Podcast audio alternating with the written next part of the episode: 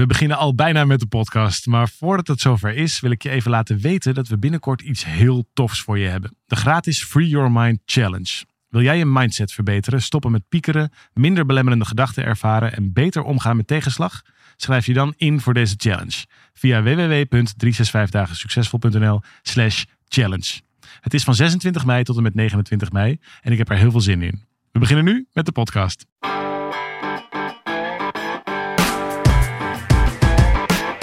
Van harte welkom bij deze podcast van 365 dagen succesvol. Wij zijn David en Arjan en we delen in deze podcast de eye-openers die cruciaal zijn voor een gelukkiger leven. Wij hebben een mooie vraag gekregen, David, van Eva van 36, moeder van twee meiden. En ze is aan het begin heel enthousiast over onze podcast. Dat is altijd sowieso leuk om een, eh, om een vraag mee te beginnen, want dan heeft ze meteen mijn volle aandacht. Podcast vind ik fantastisch. Luister iedere week veel opgestoken van alle bevindingen. Dank je wel daarvoor. Eh, en nu heeft ze een vraag, want ze is namelijk eh, voor veel dingen angstig. En daar heeft ze onze hulp bij nodig. Dus daar wil ik, eh, ik plant dit nu even bij je. Dan kan je vast beginnen met erover na te denken. Hm, Eerst nog even een paar andere leuke commentaartjes die we in de tussentijd gekregen hebben. Namelijk IVM, die zegt... Ik heb erg hard gelachen om jullie podcast over Help, ik moet de wereld redden. En daarna ben ik er heel erg geïnspireerd door geraakt. Dus heel erg de moeite waard om te beluisteren. Dankjewel. Eh en we hebben een podcast gemaakt over jezelf of een ander vergeven. En daar zegt Nienke... Dankjewel voor het mooie antwoord op mijn vraag. We hebben in die podcast mooi. eh, de vraag van Nienke beantwoord. En zij zegt, ik heb hier echt heel erg veel aan. En ik ga ermee aan de slag. Super bedankt daarvoor. Nice. En Robin zegt vervolgens, weinig inhoud, eerlijk gezegd. Is niet voor iedereen. Nee. Zo mooi. Je had graag mooi. de Bitcoin podcast. Uh, toen kwam die bij Ja, ons uit. nee. 365 dagen Dat succes. weet ik niet. Ik weet het niet. Misschien, eh, maar fijn dat Nienke die de vraag stelde in ieder geval zoveel, eh, zo blij was met het antwoord. En Robin die vindt dat er te weinig inhoud in de podcast staat. Ja, Dat zo, kan. Ja, nee, nee, dat zo, kan, zoveel zeker. mensen, zoveel smaken, moet je, moet je maar zeggen. Nou, zeker, eh, in ieder geval gaan we voor Eva proberen om eh, eh, tot een mooi inhoudelijk antwoord te komen. Kan ik me zo voorstellen. Zij zegt, in mijn dagelijks leven heb ik heel veel last van allerlei soorten angsten. En ondanks dat probeer ik de dingen te blijven doen, omdat ik gelukkig word van wat ik dan ga doen. Maar toch benauwt het me dat ik zo gevangen zit in die angst. Laatst concludeerde ik dat ik eigenlijk al weerstand voel als ik de deur uitga. Mhm. Mijn thuis is dus blijkbaar mijn veilige plek. Ik voel me dan net een klein kind. Ook merk ik dat ik eigenlijk heel weinig zelfvertrouwen heb. Ik schaam me ervoor dat ik al die angsten heb, want anderen lijken ze namelijk niet te hebben. Dus ik voel me vaak onzeker of ik het wel goed doe en of het wel zin heeft om er zoveel moeite in te steken. Is mijn eigen waarde dan zo laag? Is mij de moeite waard voelen niet iets wat ik als kind al had moeten leren van mijn ouders? Hoe leer ik het zelf? Hoe kijken jullie hier allemaal tegenaan? Ik ben heel erg benieuwd naar jullie reactie. Uitroepteken, uitroepteken. Nou, wat een mooie vraag. Ja, nou, eigenlijk meerdere vragen in één hoor ik ook een beetje. Ook. Nee, maar het- waarom vind ik het een mooie vraag? Omdat namelijk het stellen van de vraag al zorgt voor niet meer in die situatie gevangen zitten. Ja.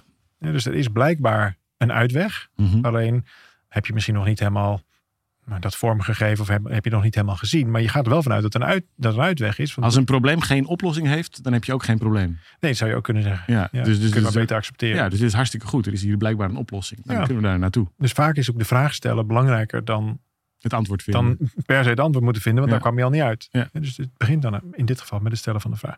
En daarmee doe je al aan bewustzijnsverruiming. Blijkbaar is er dus iets mogelijk wat jij nog niet weet. Dus het leunen op het niet weten. En daar, daar komt een hele mooie kwaliteit achter vandaan. En dat is namelijk vertrouwen. Hmm. Blijkbaar vertrouw je erop dat er een antwoord bestaat. Hoezo Ja, geen ik kan me vertrouwen? voorstellen dat vertrouwen wel farfetched voelt voor Eva. Daarom. Want die zegt, hey, ik vind het eigenlijk spannend allemaal. De hele wereld vind ik spannend. Ik vertrouw Zeker. mezelf weinig. Zeker. En dan kom jij met vertrouwen. Nou ja, je bent het al aan het doen. Dus het mooie is, dit hoef je niet eens meer te vertrouwen. Je bent het al aan het doen. Ja. Dat is het mooie. Dus als vertrouwen in handelen zit, Ja. dan, dan, ja, dan is het eigenlijk 100%. Dus dat is Hmm. prachtig. Ja. Dus het idee van ehm, het stellen van de vraag, het jezelf openen voor het niet weten, daar, daar, ja, dan vertrouw je in de diepte op dat er een antwoord is. Misschien Ja. komt het van het universum, misschien komt het van het leven zelf, misschien komt het van de buurvrouw. Maar er is blijkbaar een antwoord. Ja. Er is blijkbaar een mogelijkheid. Een mogelijkheid die er dus wel is, maar die jij nog niet kan zien. Dat is één. Volgens mij is dat hartstikke goed. Tweede, wat je in het geval van angst, en we kunnen hier ehm balinerend over doen, we kunnen hier ehm, nou ja, op heel, heel veel manieren, eh, zo van, ach ja, go- ach, gos, weet je wel, kunnen we Ja. zo over doen. Maar reken maar dat iedereen angst heeft en kent. En dan wil je vervolgens...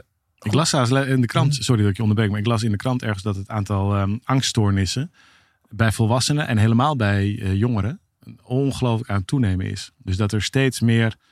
Kijk, als, er echt, als angst echt een stoornis is op het moment dat het je beperkt in je Mhm. dagelijks leven, dan heb je ook niet genoeg aan een podcastje als dit. Dan, dan zou mijn tip altijd zijn om daar professionele hulp bij te zoeken. Want dat, is- dat kan je op allerlei manieren. Dus wat wij hier kunnen doen is hooguit een soort bespiegeling daar in het algemene zin, denk ik, over angst. Maar volgens mij helpt het al als je weet, ik ben dus niet de enige. Want wat hier gebeurt namelijk, is dat er een soort, we noemen dat wel eens een dubbele afwijswopper. Dus Mhm. dat je, je bent al ergens, je bent ergens bang voor. Dat vind je stom van Dan jezelf. ben je bang dat je de enige bent. En dan ben je ook nog eens bang dat je de enige bent. Dus je schaamt je ervoor. Dus je vindt het eigenlijk ook nog eens stom van jezelf dat je het stom van jezelf vindt. Ja. En zo bouw je een hele constructie van afwijzing. Angst in zichzelf is eigenlijk al zelfafwijzing. Zeker. Omdat je op een diep niveau tegen jezelf zegt: Ik kan het leven niet aan. Of ik kan het, ben niet uitgerust om om te gaan Ja. met wat op mijn pad komt. Ja. Dus dat is al zelfafwijzing. Vervolgens wijs je dat af dat je dat niet mag hebben. Schaam je je daar ook nog eens een keer voor. En zo bouw je een heel complex van schaamte. En daarom meld ik nu even dat het eh, langzamerhand iets, eh, nou ja, een, een bijna een Maatschappelijk, eh, probleem aan het worden is. Ja. angststoornissen, anxiety. Dus dat, dat scheelt misschien al wat in je schaamte, Eva. Dus je bent niet de enige. schrijven het volgens mij in ons boek Together. Daar, daar, ja, daar gaat het natuurlijk ook in essentie steeds over. Ben ik nog verbonden of niet? Ja. Dus angst is een gebrek aan verbinding. Ja, dus hoe, hoe minder verbinding, hoe groter de angst. Ja. Maar het punt wat ik net wilde maken is als je sorry. angst zelf... Nee, dat is helemaal goed. Als je, als, je de, als je even zelf naar angst kijkt... dan wil je in eerste instantie goed onderscheiden of het reëel is... of dat het terecht is. En beide is het, is het, is het denk ik net iets anders. Nou, het, het klassieke voorbeeld is de Er komt krokodil. nog geen krokodil onder het bed, Ja, hè? krokodil Oh, een krokodil onder het bed. Ja, we hebben hem wel eens eerder zo besproken, maar ik ga ervan uit dat niet, lieve luisteraar, iedereen alle podcasts heeft geluisterd. Deze is namelijk al van een tip. Ik zou ze allemaal luisteren. Oké, vertel. Krokodil, begin reële angst, tijdje terechte angst. Reële angst en terechte angst. En je kent het misschien van jezelf van vroeger of van je kinderen. Ik hoop in ieder geval voor je dat je het nu niet meer hebt. Maar sommige mensen hebben het nog steeds. Namelijk dat er een krokodil onder je bed is. Of een inbreker in de kamer. Of een leeuw. Of nou, in ieder geval iets, eh, het grote gevaar. En wat we dan vaak doen, wat we ook geleerd hebben als ouder, is dan om, ah joh, ga toch lekker slapen en ik laat wel een lichtje aan enzovoort. We bag- bagatelliseren eigenlijk die Je angst. ontkent de angst. Je ontkent, als je nog een Ja. stapje verder gaat, ontken je de angst. Ja. Eigenlijk een beetje wat hier ook gebeurt. Van, ja, ik zou dit toch eigenlijk niet moeten hebben. Nee. Het is raar dat ik dit heb. Ja. Terwijl het is helemaal niet zo raar dat je die angst hebt als er echt een krokodil onder je bed zit. Als er veel in de wereld is dat je bedreigt, zou je kunnen Moet je je zeggen. voorstellen dat jouw leven op dit moment, hè, dus je gaat Ja. naar bed en je kijkt onder je bed en dan En daar ligt een krokodil. ligt gewoon zo'n levensgrote, Ik zou doodsbang zijn. hongerige. Dan zit je aan het plafond. Ja, En jij nou, zeker. Jij zou gillen. Jij zou gilletje Ik- ik- ik. Ja, jij doet dan ook zo'n gilletje. dat denk ik dan. Ja. Ik denk dat ik, dat ik ter plekke flauw val. Maar goed, iedereen heeft zo zijn eigen overleving staat. Ik denk niet wakker maken, niet wakker maken. Maar goed. ik denk, ik denk dat hij jou eerder op heeft dan mij. Hoezo? Oh zo. Ja, ja, bij jou heb je iets meer om te eten. Ja, nee, dat is waar. Ik, ik zie nu het compliment in deze heel Ik dacht meer dat idee dan leuker was. Dat jij lekker dan. Dat Oh, dan mij ja, misschien is dat het. Vleesige. Zie je? Allemaal angst. Allemaal Ja, ja, mensen die gedachten al, anxiety. Goed. Dus is die angst terecht? Ja. Als er... Nee, je vindt het spannend om de straat op te gaan. Nou, als je het spannend vindt om de straat op te gaan... en je zou daar direct worden overreden door een vrachtwagen... of beroofd of weet ik veel wat... dan moet je de straat niet opgaan. Nee. Terechte angst. Dat is het hele terechte angst. Ja. Hele behulpzame angst. Ja. En dus dat is heel goed om je te beseffen dat deze vormen van angst zijn hartstikke behulpzaam. Er ligt een krokodil onder je bed. Er ligt ook echt een krokodil onder je bed. En Je dus kijkt- ben je bang. en dus ben je hartstikke bang. Ja. Dus wijs niet het principe angst af. Het is heel normaal om angstig te zijn. Ja.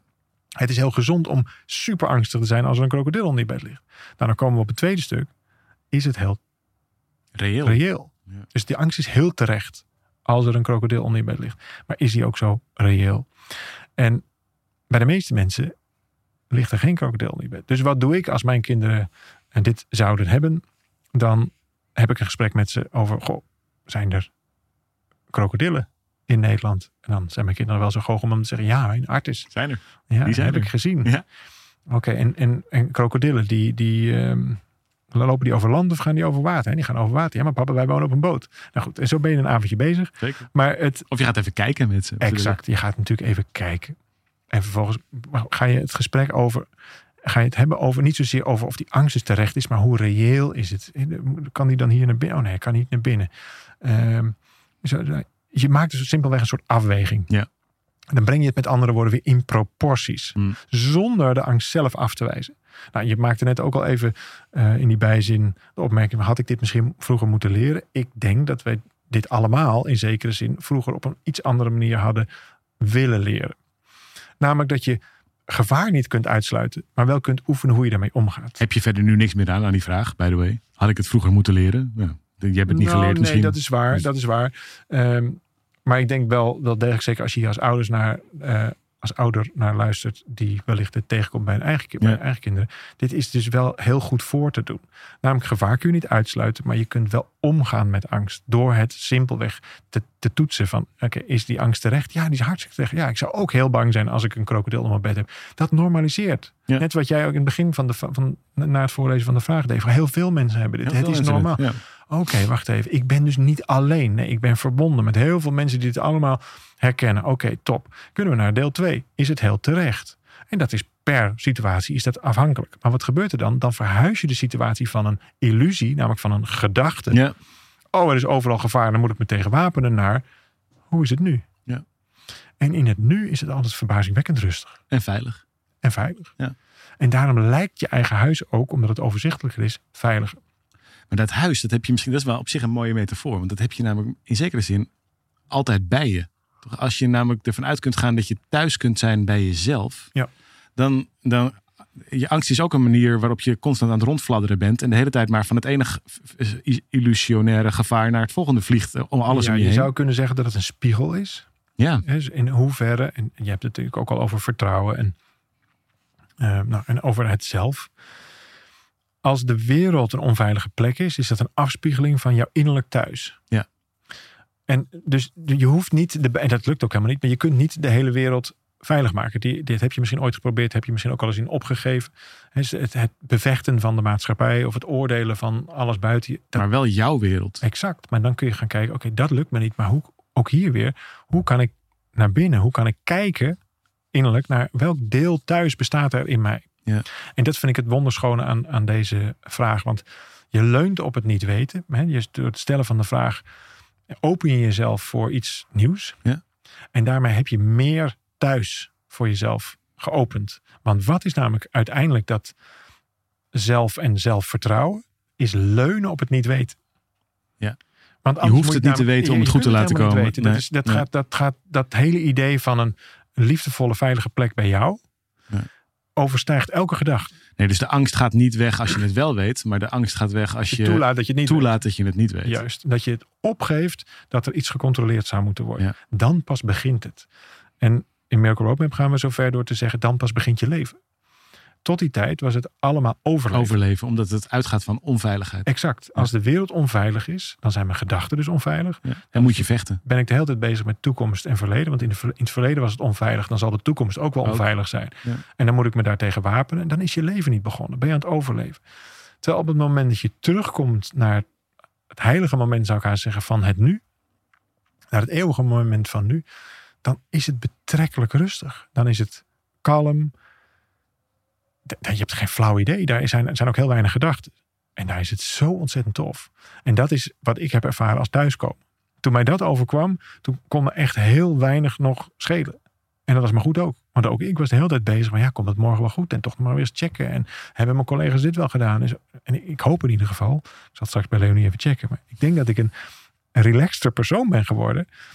Doordat ik me niet meer zo druk maak elke keer over of er iets verdedigd moet worden. Goed, Eva, dankjewel voor je vraag. Wij zijn er volgende week weer met een uh, nieuwe vraag en misschien wel weer een nieuw antwoord. Tot volgende week. Tot dan. Ciao.